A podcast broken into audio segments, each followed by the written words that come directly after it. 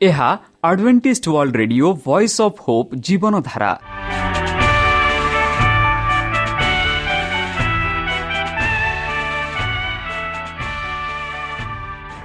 Odia radio କାର୍ଯ୍ୟକ୍ରମ ଯାହା ଆମର ଆନ୍ତର୍ଜାତୀୟ ଆଘାତ କେନ୍ଦ୍ରରୁ ପ୍ରସାରଣ କରାଯାଉଛି ପ୍ରତିଦିନ ରାତି ନଅଟା ତିରିଶ ମିନିଟ୍ରେ। ମୁଁ ସୁବ୍ରତ କୁମାର ପତି ପ୍ରେମର ସହ ଆପଣମାନଙ୍କୁ ଏହି କାର୍ଯ୍ୟକ୍ରମକୁ ସ୍ୱାଗତ କରୁଅଛି। ଚାଲନ୍ତୁ ଆଜିର ତିରିଶ ମିନିଟ୍ର କାର୍ଯ୍ୟକ୍ରମ ବିଷୟରେ ଜାଣିନେବା। ପ୍ରଥମେ ରଖିଛୁ ଆଧ୍ୟାତ୍ମିକ ଭକ୍ତିମୟ ଗୀତ। ଏହାପରେ ଶୁଣିବା ସ୍ୱାସ୍ଥ୍ୟ ବିଷୟରେ ଯାହା ଆମର ଦୈନିକ ଜୀବନରେ ଅତ୍ୟନ୍ତ ଜରୁରୀ। ଆଉ ପରିଶେଷରେ ଶୁଣିବା ପରମେଶ୍ୱରଙ୍କ ଭକ୍ତଙ୍କଠାରୁ ଜୀବନଦାୟକ ଈଶ୍ୱରଙ୍କ ବାକ୍ୟ। ପ୍ରିୟ ଶ୍ରୋତା ତାହେଲେ ଚାଲନ୍ତୁ ଶୁଣିବା ଏକ ଆଧ୍ୟାତ୍ମିକ ଭକ୍ତିମୟ ଗୀତ।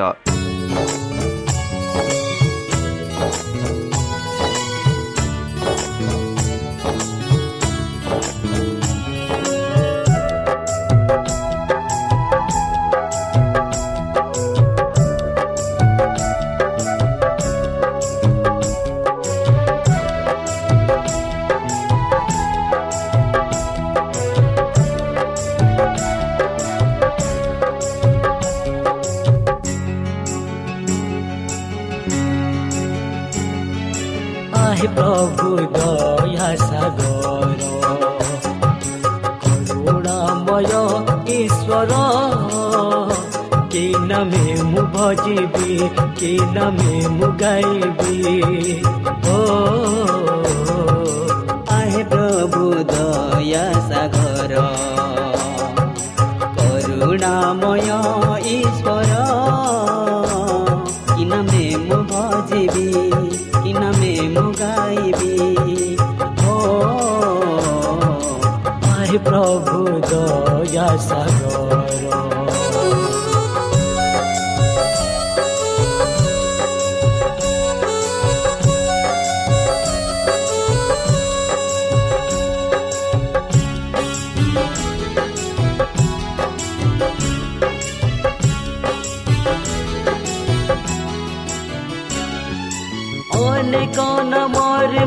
जो पीछे पैलिन कौटे मु शांति प्रभु नाम गोटे मु जपी पाई अछि मु आज मुक्ति केड़े मोहन ईश्वर सृष्टिकर्ता से मोहर केड़े मोहन ईश्वर सृष्टिकर्ता से मोहर ओ, ओ, ओ, ओ প্রভু দয়া সাগর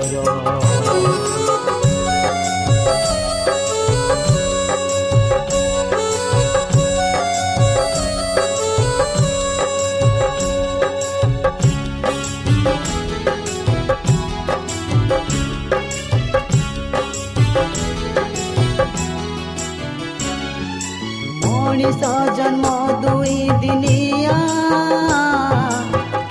কাহার নুহে আপনা করিল প্রভু মতে আপনা অসতি রুহেলি মু সান্তনা হে ঈশ্বর নন্দন হে পতিত পাবন হে ঈশ্বর নন্দন হে পতিত পাবন ও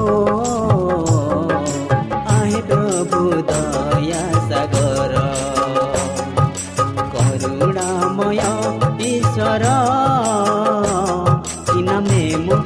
ಮುಗಾಯಿವೆ ದಿನಮೇ ಮುಗಾಯಿವೆ ಓ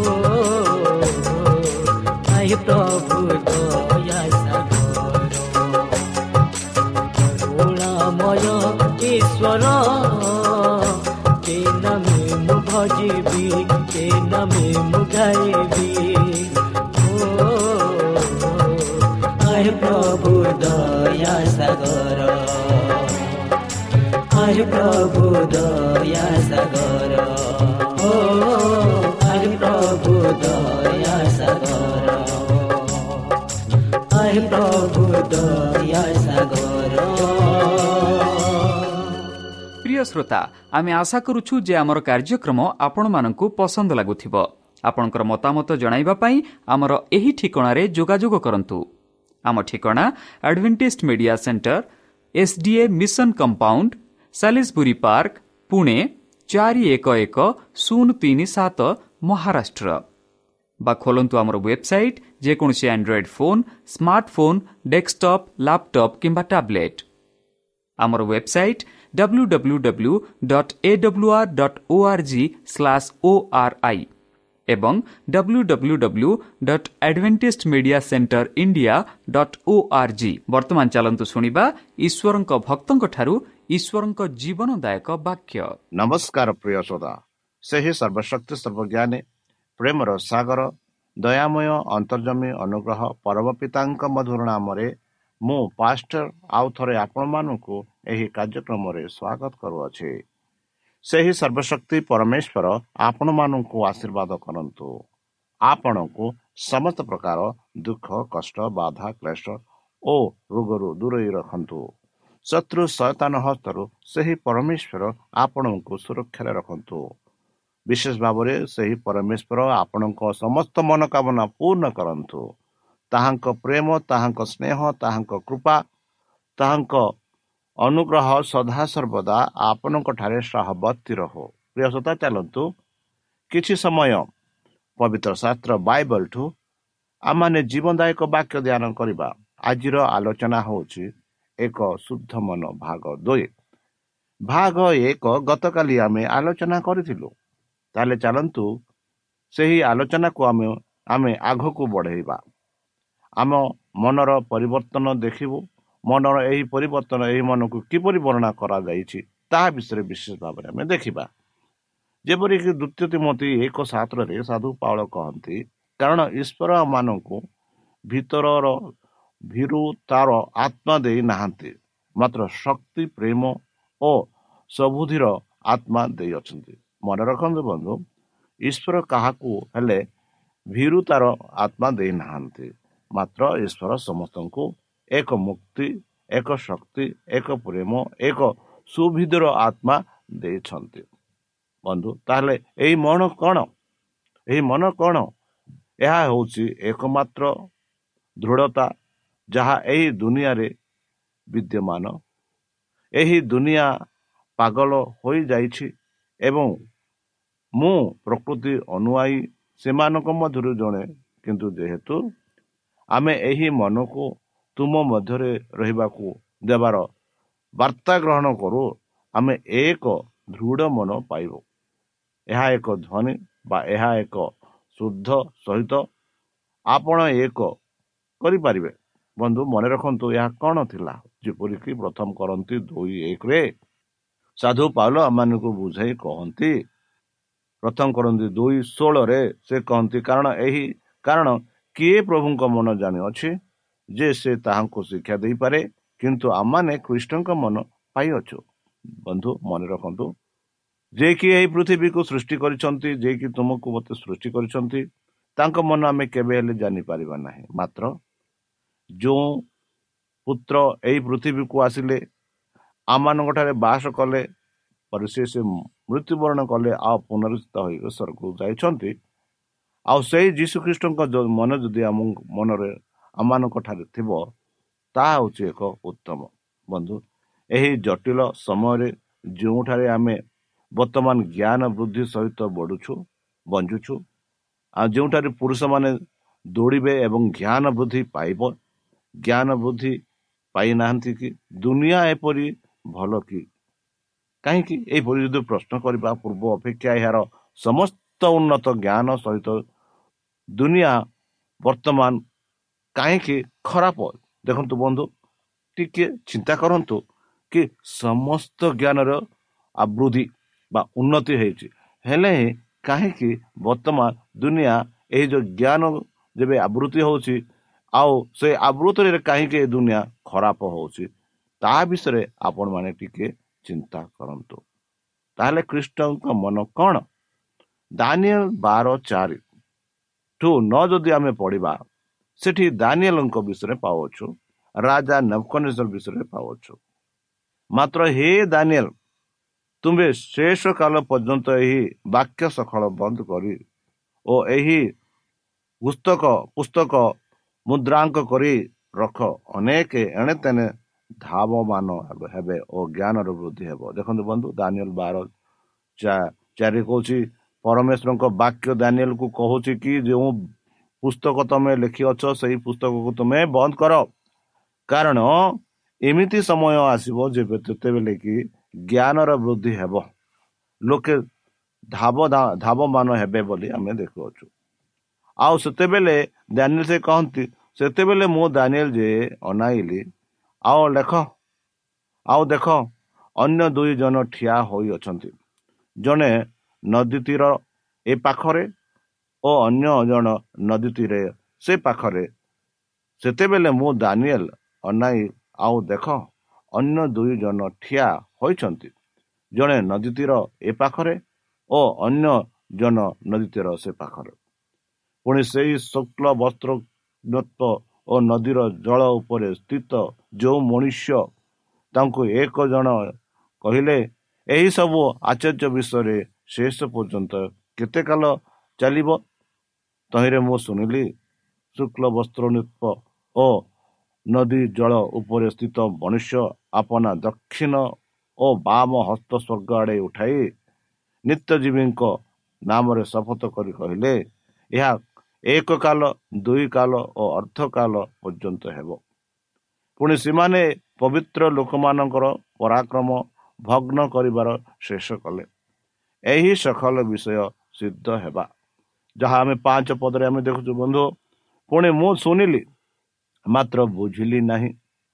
ତ ମୁଁ କହିଲି ହେ ମୋର ପ୍ରଭୁ ଏହି ସବୁ ଏହି ସବୁର ପରିଣାମ କ'ଣ ହେବ? ତହିଁରେ ସେ କହିଲେ ହେ ଦାନିଆଲ ତୁମ୍ଭେ ଆପଣା ପଥରେ ଗମନ କର।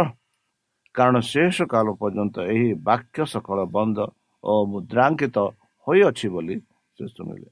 ବନ୍ଧୁ ଏକ ସଦୃଢ଼ ମନ ଜ୍ଞାନ ଅଭିଧ୍ୟାନରେ ଜ୍ଞାନ ଅର୍ଥାତ୍ ହେଉଛି ତଥ୍ୟ ଶିଖ ଶିଖିବା ବା ସତ୍ୟ ଶିଖିବା। କିନ୍ତୁ ସତ୍ୟ ଶିଖିବା ଜରୁରୀ ନୁହେଁ ଯେ ଗୋଟିଏ ଜ୍ଞାନ ଦେଇଥାଏ ଆପଣ ସମସ୍ତ ଭବିଷ୍ୟତବାଣୀ ଏବଂ ଆଡ଼ଭେଣ୍ଟିସ୍ର ସମସ୍ତ ତଥ୍ୟ ସତ୍ୟ ଶିଖିଛନ୍ତି କି ବା ଶୁଣିଛନ୍ତି କି ଆପଣ ସେସବୁ ଶିଖିଛନ୍ତି କି ବନ୍ଧୁ? ଟିକିଏ ମନେ କରନ୍ତୁ। ଏହାର ଅର୍ଥ ତୁମର ଜ୍ଞାନ ଅଛି କି? ଆମେ ପ୍ରାୟତଃ ଭାବୁଛୁ ଯେ ଆମେ କରୁ। ଜ୍ଞାନ କ'ଣ? ତଥ୍ୟ ଶିଖିବା ଏବଂ ସତ୍ୟ ତଥ୍ୟ ଶିଖିବା ଏବଂ ଜ୍ଞାନ ଶିଖିବା ଜ୍ଞାନ ବୃଦ୍ଧି ପାଇଥାଏ ଏବଂ ତଥାପି ମଣିଷ ଜ୍ଞାନୀ ନୁହେଁ ତାହେଲେ ଜ୍ଞାନ କ'ଣ ଯଦି ଆମେ ଦେଖିବା ହିତ ପ୍ରଦେଶ ପନ୍ଦର ଦୁଇରେ ହିତ ପ୍ରଦେଶ ଲେଖକ ଲେଖନ୍ତି ଏହିପରି ଜ୍ଞାନୀମାନଙ୍କ ଜିହ୍ମା ପ୍ରକୃତ ରୂପେ ଜ୍ଞାନ ବ୍ୟକ୍ତ କରେ ମାତ୍ର ମୂର୍ଖମାନଙ୍କ ମୁଖ ଅଜ୍ଞାତର ଉଦ୍ଧାର କରେ ଦେଖନ୍ତୁ ବନ୍ଧୁ ଜ୍ଞାନୀମାନଙ୍କର ଚିହ୍ନ ପ୍ରକୃତ ରୂପେ ଜ୍ଞାନ ବ୍ୟକ୍ତ କରେ ମାତ୍ର ମୂର୍ଖମାନଙ୍କର ମୁଖ ଜ୍ଞାନତା ଉଦ୍ଧାର କରେ ଯଦି ଆପଣ ଏହାକୁ ସିଧା ବ୍ୟବହାର କରନ୍ତି ତେବେ ଆପଣ ଯେଉଁ ଜ୍ଞାନ ହାସଲ କରନ୍ତି ତାହା ହେଉଛି ଜ୍ଞାନ। କାରଣ ସେଠାରେ ଅନେକ ଜ୍ଞାନ ଅଛି ଯାହାକୁ ଆମେ ଠିକ୍ ଭାବରେ ବ୍ୟବହାର କରୁନାହୁଁ। ଆମେ ଜ୍ଞାନ ହାସଲ କରିବା ପରେ ଆମକୁ ଜ୍ଞାନ ଆବଶ୍ୟକ। ଯେପରି ହିତପ୍ରଦେଶ ଚାରି ସାତରେ ଆମେ ଦେଖୁଛୁ ଜ୍ଞାନ ସର୍ବଶ୍ରେଷ୍ଠ ବିଷୟ। ଏଣୁ ଜ୍ଞାନ ଲାଭ କର ପୁଣି ତୁମର ସବୁ ଲାଭ ମଧ୍ୟରେ ସୁବିଧା ସୁବିବେଚନା ଲାଭ କର ବୋଲି ଜ୍ଞାନ ହେଉଛି ସର୍ବଶ୍ରେଷ୍ଠ ବିଷୟ। ଆଉ ସେ ଯୋଗୁଁ ଏହି ଜ୍ଞାନକୁ ଆମେ ଲାଭ କରିବା ଉଚିତ। ଯେହେତୁ ଏହି ଜ୍ଞାନ ହିଁ ଆମମାନଙ୍କୁ ସବୁ ଲାଭ କରାଇବ। ଜ୍ଞାନ ମୁଖ୍ୟ ଜିନିଷ ନୁହେଁ। ଜ୍ଞାନ ହେଉଛି ଯେହେତୁ ତୁମେ ଜ୍ଞାନ ପାଇବ। ଜ୍ଞାନ ପାଇବା କାରଣ ତାହା ହେଉଛି ନୀତିଗତ ଜିନିଷ। ଯେପରି ହିତପ୍ରଦେଶ ଚାର ଚାରି ସାତରେ ଆମେ ଦେଖୁଅଛୁ ଜ୍ଞାନ ସର୍ବଶ୍ରେଷ୍ଠ ବନ୍ଧୁ ଜ୍ଞାନ ସର୍ବଶ୍ରେଷ୍ଠ ଏଣୁ ଲାଭ କର ବୋଲି ତାର ଦୁଇ ଛଅରେ ଆମେ ଦେଖୁ ଯେହେତୁ ସଦାପ୍ରଭୁ ଜ୍ଞାନ ଦିଅନ୍ତି ତାହାଙ୍କ ମୁଖରୁ ଜ୍ଞାନ ଓ ବୁଦ୍ଧି ନିର୍ଗତ କିଏ ଦିଅନ୍ତି ଜ୍ଞାନ ବନ୍ଧୁ ମନେ ରଖନ୍ତୁ ସଦାପ୍ରଭୁ ଜ୍ଞାନ ଦିଅନ୍ତି ଆଉ ତାହାଙ୍କ ମୁଖରୁ ଜ୍ଞାନର ପଦ ନିର୍ଗତ ହୁଏ ଯେବେ ପବିତ୍ର ଶାସ୍ତ୍ର ବାଇବଲ ଆମେ ପଢ଼ିବା ଯେବେ ଯୀଶୁଙ୍କ ବିଷୟରେ ଜାଣିବା ଯେବେ ସଦାପ୍ରଭୁଙ୍କ ବିଷୟରେ ଜାଣିବା ଯେବେ ପ୍ରଭୁଙ୍କର ଆଚାର୍ଯ୍ୟ କର୍ମ ଆମେ ଜାଣିବା ଯେବେ ଯୀଶୁ ଖ୍ରୀଷ୍ଟଙ୍କ କାର୍ଯ୍ୟ ଆମେ ଜାଣିବା ସେହି ସବୁ ହେଉଛି ଜ୍ଞାନର ପଥ। ଆଉ ଯେବେ ଆମେ ସେହିପରି ଚାଲିବା ତାଙ୍କ ବାକ୍ୟ ଅନୁସାରେ ଚାଲିବା ତାହେଲେ ଆମେ ସ୍ୱର୍ଗରାଜ ଯିବା ପାଇଁ ପ୍ରସ୍ତୁତ ନିଜକୁ କରୁଛୁ। ଯେପରି ଇଫିସ ଚାରି ତେଇଶରେ ଆମେ ଦେଖୁଛୁ ପୁଣି ତୁମାନଙ୍କ ମନରେ ନୀତିକୃତ ହୁଏ। ବନ୍ଧୁ ସେ ଧାର୍ମିକତା ଏବଂ ପ୍ରକୃତ ପବିତ୍ରତା ପ୍ରକୃତ ଜ୍ଞାନ ବିଷୟରେ କହୁଛନ୍ତି ବନ୍ଧୁ ଯାହା ସମୀକରଣକୁ ଆଣିବାକୁ ହେବ। ଯେପରି ଭଉଣୀ ଏଲିଞ୍ଜି ୱାଇଟ୍ କହନ୍ତି କିନ୍ତୁ କେହି କଳ୍ପନା କରୁନାହିଁ ଯେ ଆମେ ଶିକ୍ଷାକୁ ନିରୁତ୍ସାହିତ କରିବାକୁ କିମ୍ବା ମାନସିକତା ସଂସ୍କୃତି ଏବଂ ଅନୁସାର ଅନୁଶାସନର ମୂଲ୍ୟ ଉପରେ କମ୍ ଆକଳନ କରୁ। ଯେପର୍ଯ୍ୟନ୍ତ ଆମେ ଏହି ଦୁନିଆରେ ରହିଥାଉ ସର୍ବଦା ଶିଖିବା ଏବଂ ଦାୟିତ୍ୱ ବହନ କରିବା ପର୍ଯ୍ୟନ୍ତ ଈଶ୍ୱରଙ୍କୁ ଆମ ଛାତ୍ର ପାଖରେ କିନ୍ତୁ ଛାତ୍ର ପାଖରେ କିନ୍ତୁ ପୁସ୍ତକ ଜ୍ଞାନ ପାଇବାରେ ଅଳ୍ପ ସୁବିଧା ପାଇଥିବା ତାଙ୍କ ଭାଇଙ୍କ ଉପଯୋଗିତା ଏବଂ ପ୍ରଭାବ ମାପିବା ପାଇଁ କେହି ନିଜକୁ ସମାଲୋଚନା ଭାବରେ ସ୍ଥିର କରିବା ଉଚିତ ନୁହେଁ। ଆପଣ ହୁଏତ ଅନେକ ପୁସ୍ତକ ଜ୍ଞାନ ଥିବା ଜଣେ ଭଲ ଅଧ୍ୟୟନ ହୋଇଥାଇ ଥାଇପାରିବ ବା ହୋଇଥିବା ବ୍ୟକ୍ତି ହୋଇପାରନ୍ତି କିନ୍ତୁ କିଛି ଅଛନ୍ତି ଯେଉଁମାନେ କରନ୍ତି ନାହିଁ। ସେ ଏକ ବିରଳ ଜ୍ଞାନରେ ସମୃଦ୍ଧ ହୋଇପାରନ୍ତି। ସତ୍ୟର ଜ୍ଞାନରେ ତାଙ୍କର ଏକ ବ୍ୟବହାରିକ ଶିକ୍ଷା ଥାଇପାରେ। ବନ୍ଧୁ ସତ୍ୟର ଜ୍ଞାନ ପୁସ୍ତକ ଜ୍ଞାନ ଠାରୁ ଅଧିକ ହେବା ଆବଶ୍ୟକ। ଏହା ସତ୍ୟର ଏକ ବ୍ୟବହାରିକ ଜ୍ଞାନ ହେବାର ଆବଶ୍ୟକ। ଯେପରିକି ଗୀତ ଲେଖକ କହନ୍ତି ତୁମର ବାକ୍ୟ ପ୍ରବେଶ ଦ୍ୱାରା ଆଲୋକ ଦେଇଥାଏ ବୋଲି। ଏହାର ସରଳ ବନ୍ଧୁ ବିଷୟରେ ବୁଝାମଣା ହୋଇ ଦେଇଥାଏ। ଯେପରି ଗୀତ ଲେଖକ ଦ୍ୱାରା କୁହାଯାଇଥିବା ଜ୍ଞାନ ହେଉଛି ଯେତେବେଳେ ସତ୍ୟମନ ପାଇଁ ଖୋଲାଯାଏ ଏବଂ ଈଶ୍ୱରଙ୍କ ଆତ୍ମା ଦ୍ୱାରା ହୃଦୟରେ ପ୍ରୟୋଗ କରାଯାଏ। ଯେତେବେଳେ ଏହାର ନୀତି ବ୍ୟବହାରିକ ଧାର୍ମିକ ଧର୍ମନ୍ଦ ଜୀବନ ଦ୍ୱାରା ଚରିତ୍ରରେ ପରିଣତ ହୁଏ। ତେବେ ଆମେ କହୁ ଜ୍ଞାନ ବନ୍ଧୁ ତାହେଲେ ଚାଲନ୍ତୁ। ସେହି ସଦାପ୍ରଭୁ ଯେପରି ଉପଦେଶ କହେ ଏକ ଅଠରରେ ସେଥିରେ ତୁମାନଙ୍କ ଆନ୍ତରିକ ଚକ୍ଷୁ ପ୍ରସନ୍ନ ହୁଅନ୍ତେ।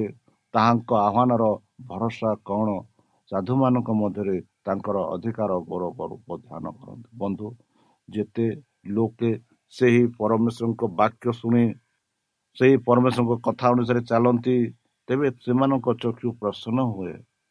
ଆଉ ସେମାନେ ଈଶ୍ୱରଙ୍କ ବାକ୍ୟକୁ ଈଶ୍ୱରଙ୍କ ସ୍ୱରକୁ ଶୁଣିପାରିବେ।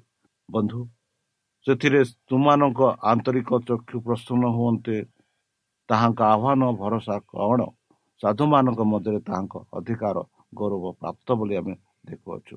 ବନ୍ଧୁ ଏଥିଯୋଗୁଁ ପ୍ରଥମ କରନ୍ତି ତିନି ଅଠରେ କହୁଛି କୌଣସି ବ୍ୟକ୍ତି ଆପଣଙ୍କୁ ଧକ୍କା ନ କରନ୍ତୁ। ଆଉ କୌଣସି ବ୍ୟକ୍ତି ଯଦି ଆପଣଙ୍କ ଠାରେ ଏକ ବୁଦ୍ଧିମାନ ପରି ଦେଖୁଛି ତାର ବୁଦ୍ଧି ହେଉଛି ଏହି ପୃଥିବୀରେ ଏକ ମୂର୍ଖତା ବୋଲି ଆମେ ପାଉଛୁ ହୋଇପାରେ ସେ ବୁଦ୍ଧି ଯେହେତୁ ଏଇ ଯେଉଁ ପୃଥିବୀର ଜ୍ଞାନ ଈଶ୍ୱରଙ୍କ ସମ୍ମୁଖରେ ଏକ ମୂର୍ଖତା ଏହିପରି ଲେଖା ଅଛି। ଯେ କେହି ଲୋକ ନିଜକୁ ବୁଦ୍ଧି ବୋଲି ମାନେ ସେ ଏକ ମୂର୍ଖ। ଆଉ ଥରେ ସେ କହନ୍ତି ଯେଉଁମାନେ ବୁଦ୍ଧି ବୋଲି କହନ୍ତି ସେମାନେ ଈଶ୍ୱରଙ୍କ ବାକ୍ୟରେ ଜାଣି ନାହାନ୍ତି ସେ ସେମାନଙ୍କ ବୁଦ୍ଧି କିଛି ଲାଭଜନକ ନାହିଁ। ଯଦି ପ୍ରଥମ କରନ୍ତି ଆଠ ଏକ ଆମେ ଦେଖିବା ଏହିପରି ଯେଉଁ ଲୋକ ମୂର୍ତ୍ତି ପୂଜାରେ ଧ୍ୟାନ ଦିଅନ୍ତି ସେମାନଙ୍କର ଜ୍ଞାନ ନାହିଁ। ଯେହେତୁ ଜ୍ଞାନଟା କେବେ ହେଲେ ଉପର ବା ଜ୍ଞାନଟା କେବେ ହେଲେ ଭଲ ଜିନିଷ ପାଇଁ ଖୋଜେ କେବେ ହେଲେ ଖରାପ ଜିନିଷ ଖୋଜେ ନାହିଁ। ଆଉ ଯେ କେଉଁ ବ୍ୟକ୍ତି ଖରାପ ଜିନିଷ ପାଇଁ ଭାବେ ଆଉ ଯେଉଁ ବ୍ୟକ୍ତି ଜ୍ଞାନ ଲାଭ କରିଛି ସେ ସଦାବେଳେ ଏକ ଉତ୍ତମ ବିଷୟରେ ଚିନ୍ତା କରେ। ଯଦି କେଉଁ ବ୍ୟକ୍ତି ଈଶ୍ୱରକୁ ପ୍ରେମ କରେ ଆଉ ସେହି ପ୍ରେମ ସମାଜରେ ସେ ପ୍ରକାଶ କରେ ଆଉ ସେହି ପ୍ରେମ ଈଶ୍ୱରଙ୍କୁ ତାଙ୍କ ଜୀବନ ଦ୍ୱାରା ଦର୍ଶାୟିତ ହୋଇଥାଏ। ତାହେଲେ ବନ୍ଧୁ ଚାଲନ୍ତୁ। ସେହି ସଦାପ୍ରଭୁ ପରମେଶ୍ୱରଙ୍କ ଠାରେ ଆମେ ନିଜକୁ ସମର୍ପଣ କରିଦେବା। ଯେହେତୁ ପରମେଶ୍ୱର ମାନଙ୍କୁ ଏମିତି ଆତ୍ମା ଦେଇନାହାନ୍ତି ସେମିତି ଆତ୍ମା ଦେଇଛନ୍ତି ଯାହାକି ଆମର ଶକ୍ତି ପ୍ରେମ ଏବଂ ଏକ ଶୁଦ୍ଧ ମନ ରେ ଆମେ ଚାଲିପାରିବା। ଆମମାନଙ୍କୁ ସଦାପ୍ରଭୁ ଏମିତି ମନ ଦେଇନାହାନ୍ତି ଯେଉଁଠିକି ଆମେ ଭୟ ପଡ଼ିବା। ସଦାପ୍ରଭୁ ଆମମାନଙ୍କୁ ଏହିପରି ମନ ଦେଇଛନ୍ତି ଯେଉଁଥିରେ ଆମେ ଶକ୍ତି ପ୍ରେମ ଆଉ ଏକ ଉତ୍ତମ ଧ୍ୱନି ମନରେ ଆମେ ରହିପାରିବା। ବନ୍ଧୁ ପ୍ରଥମ କରନ୍ତି ଆଠ ତିନିରେ ଆମେ ଦେଖୁଛୁ ଯଦି କୌଣସି ବ୍ୟକ୍ତି ଈଶ୍ୱରକୁ ପ୍ରେମ କରୁଛି ତାଙ୍କ ସେଇ ପ୍ରେମ ଦ୍ୱାରା ଲୋକେ ଜାଣିପାରିବେ କି ଏ ଜଣେ ଖ୍ରୀଷ୍ଟିଆନ ଏ ଜଣେ ଖ୍ରୀଷ୍ଟଙ୍କ ଦାସ। ଜଣେ ଖ୍ରୀଷ୍ଟଙ୍କ ସେବକ ଏ ଜଣେ ଖ୍ରୀଷ୍ଟଙ୍କ ପରମେଶ୍ୱରଙ୍କ ଦା ପୁତ୍ର ପୁତ୍ରୀ ଭାବରେ ଗଣା କରାଯିବ ଏହିପରି ଆମେ ପ୍ରଥମ କରନ୍ତି ଆଠ ତିନିରେ ଆମେ ଦେଖୁଅଛୁ। ବନ୍ଧୁ ତାହେଲେ ଚାଲନ୍ତୁ। ଆମେ ସେହି ସଦାପ୍ରଭୁ ପରମେଶ୍ୱରଙ୍କ ଠାରେ ନିଜକୁ ସମର୍ପଣ କରି ଯେହେତୁ ଜହନ ଚଉଦ ସତାଶରେ ଆମେ ପାଉଛୁ ଯୀଶୁ ଖ୍ରୀଷ୍ଟ କହିଲେ ମୁଁ ତୁମ ପାଖକୁ ତୁମମାନଙ୍କ ପାଇଁ ମୋ ଶାନ୍ତି ଛାଡ଼ୁଅଛି। ଯେଉଁ ଶାନ୍ତି ପରମେଶ୍ୱର ମତେ ଦେଇଛନ୍ତି ସେଇ ଶାନ୍ତି ତୁମଠାରେ ମୁଁ ଛାଡ଼ି ଅଛି। ଏଥିଯୋଗୁଁ ତୁମର ହୃଦୟ କେବେ ବି ଉଦ୍ବିଗ୍ନ ନ ହଉ ଆଉ କେବେ ବି ଭୟ କର ନାହିଁ ବୋଲି ଯୀଶୁ ଖ୍ରୀଷ୍ଟ କହିଥିଲେ। ଯେହେତୁ ଏମିତି ଦିନ ଆସିବ ସେମାନେ ମୋର ନାମ ପାଇଁ ଖୋଜିବେ ମୁଁ ତୁମମାନଙ୍କୁ କହୁଛି ତୁମାନେ ପ୍ରାର୍ଥନା କର ମୋ ପିତାଙ୍କ ଠାରେ ଆଜି ବି ତୁମେ ପ୍ରାର୍ଥନା କରିବ ଯେହେତୁ ମୋ ପିତା ତୁମମାନଙ୍କୁ ପ୍ରେମ କରନ୍ତି ଯେହେତୁ ସେ ପ୍ରେମ କରନ୍ତି ଯେ କେହି ମୋ ନାମରେ ବିଶ୍ୱାସ କରନ୍ତି ସେମାନଙ୍କୁ ପ୍ରେମ କରନ୍ତି ବୋଲି ଯୀଶୁ ଖ୍ରୀଷ୍ଟ ନିଜେ କହିଛନ୍ତି। ଯେ କେଉଁ ଯେ କେହି ଜାଣନ୍ତି କି ଯୀଶୁକୁ ଜାଣିଛି ବୋଲି ସେ ଈଶ୍ୱରଙ୍କ ପ୍ରେମ ଜାଣନ୍ତି ଯେହେତୁ ଈଶ୍ୱର ଅଛନ୍ତି ପ୍ରେମ। ଆଉ ଯେଉଁମାନେ ପ୍ରେମରେ ବାସ କରନ୍ତି ସେମାନେ ଈଶ୍ୱରଙ୍କୁ ଜାଣିଛନ୍ତି।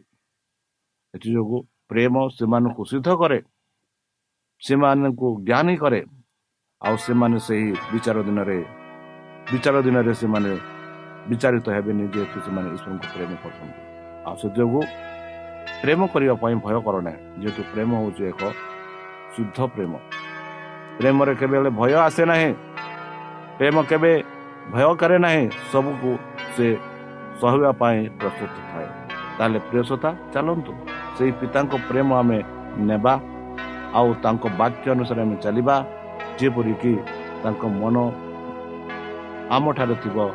ଆଉ ଆମେ ତାଙ୍କ ଜୀବନ ଆମ ଜୀବନରେ ପ୍ରକାଶ କରିପାରିବା। ସେମାନେ ଯେମିତିକି ଅନ୍ୟ ଲୋକ ଦେଖି ଆମମାନଙ୍କୁ ସେ ସ୍ୱର୍ଗ ପିତାକୁ ପ୍ରଶଂସା କରିପାରିବେ। ତାହେଲେ ଚାଲନ୍ତୁ ନିଜକୁ ସମର୍ପଣ କରି ତାହାଙ୍କ ମଧୁର ନାମରେ ପ୍ରାର୍ଥନା କରିବା। ହେ ଆମ୍ଭମାନଙ୍କ ସର୍ବଶକ୍ତି ସର୍ବଜ୍ଞାନୀ ପ୍ରେମର ସାଗର ଦୟାମୟ ଅନ୍ତର୍ଜମୀ ଅନୁଗ୍ରହ ପରମ ପିତା ଧନ୍ୟବାଦ ଅର୍ପଣ କରୁଛୁ। ବର୍ତ୍ତମାନ ଯେଉଁ ବାକ୍ୟ ତୁମ ସେହି ଭକ୍ତଙ୍କ ଦ୍ୱାରା ଶୁଣେଇଲେ ସେହି ବାକ୍ୟ ଅନୁସାରେ ଏମାନଙ୍କୁ ଚାଲିବା ପାଇଁ ବୁଦ୍ଧିରେ ଜ୍ଞାନରେ ଶକ୍ତିରେ ପରିପୂର୍ଣ୍ଣ କର। ଆମ ପାପ ସବୁ ତୁମ ସେହି ବହୁମୂଲ୍ୟ ରକ୍ତରେ ପରିଷ୍କାର ରୂପେ ଧୋଇ ଦିଅ। ଆଉ ପରିଶେଷ ଯେବେ ତୁମେ ତୁମ ସେହି ସହସ୍ର ଦୂତଙ୍କ ସହ ଆସିବେ ସେତେବେଳେ ଆମମାନଙ୍କୁ ଏକ ବାସସ୍ଥାନ ଦିଅ ବୋଲି ପ୍ରାଣକର୍ତ୍ତା ପ୍ରଭୁ ଯୀଶୁଙ୍କ ମଧୁମୟ ନାମରେ ଏହି ଛୋଟ ବିକ୍ଷମ ଅଛି ତୁମେ ଗ୍ରହଣ କର। ଆମେ शरणं सफला शरणं सफला आसानैयामोरी आसि छु भकाती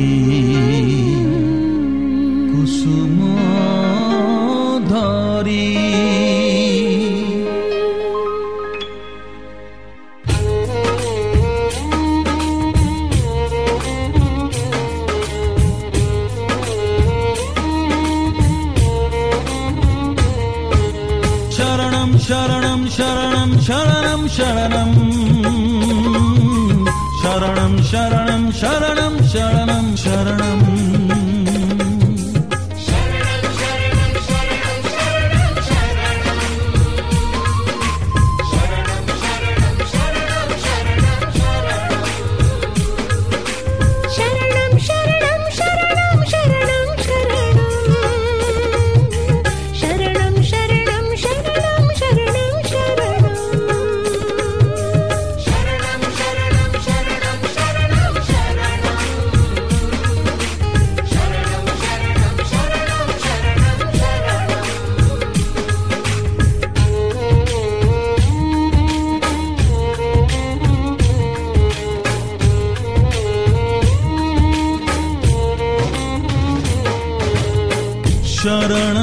ফাড়া আশা নেই আমরি।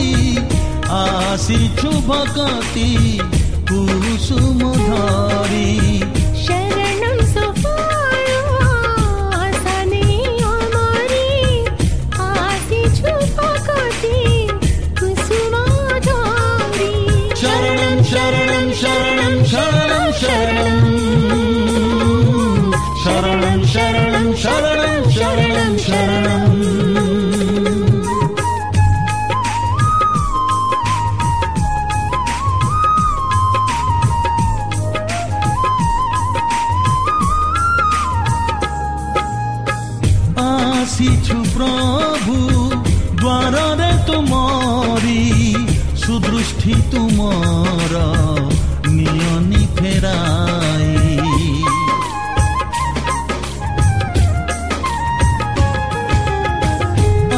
ଆସିଛୁ ପ୍ରଭୁ ଦ୍ୱାରରେ ତୁମରି ସୁଦୃଷ୍ଟି ତୁମର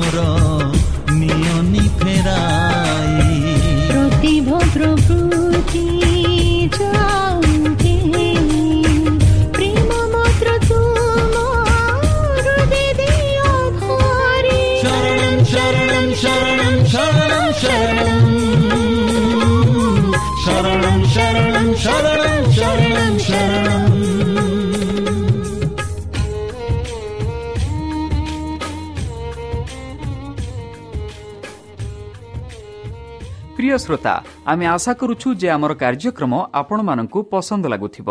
ଆପଣଙ୍କର ମତାମତ ଜଣାଇବା ପାଇଁ ଆମର ଏହି ଠିକଣାରେ ଯୋଗାଯୋଗ କରନ୍ତୁ। ଆମ ଠିକଣା Adventist media centre SDA mission compound Salisbury park Pune ଚାରି ଏକ ଏକ ଶୂନ ତିନି ସାତ ମହାରାଷ୍ଟ୍ର। ବା ଖୋଲନ୍ତୁ ଆମର ୱେବସାଇଟ୍ ଯେକୌଣସି android phone smartphone desktop laptop କିମ୍ବା ଟ୍ୟାବ୍ଲେଟ୍ ଆମର ୱେବସାଇଟ୍ www.awr.org/ori এবং www.adventistmediacentterindia.org ଆଡ଼ଭେଣ୍ଟେଜ୍ ମିଡ଼ିଆ ସେଣ୍ଟର ଇଣ୍ଡିଆର ସ୍ପେଲିଂ ହେଉଛି A D V E N T I S T M E D I A C E N T R E I N D I A ଅଥବା download କରନ୍ତୁ ଆମର mobile app ଆପଣଙ୍କର mobile play ଷ୍ଟୋରକୁ ଯାଆନ୍ତୁ ଆଉ type କରନ୍ତୁ the voice of hope ଆଉ download କରନ୍ତୁ। ଈଶ୍ୱର ଆପଣଙ୍କୁ ଆଶୀର୍ବାଦ କରନ୍ତୁ। ଧନ୍ୟବାଦ।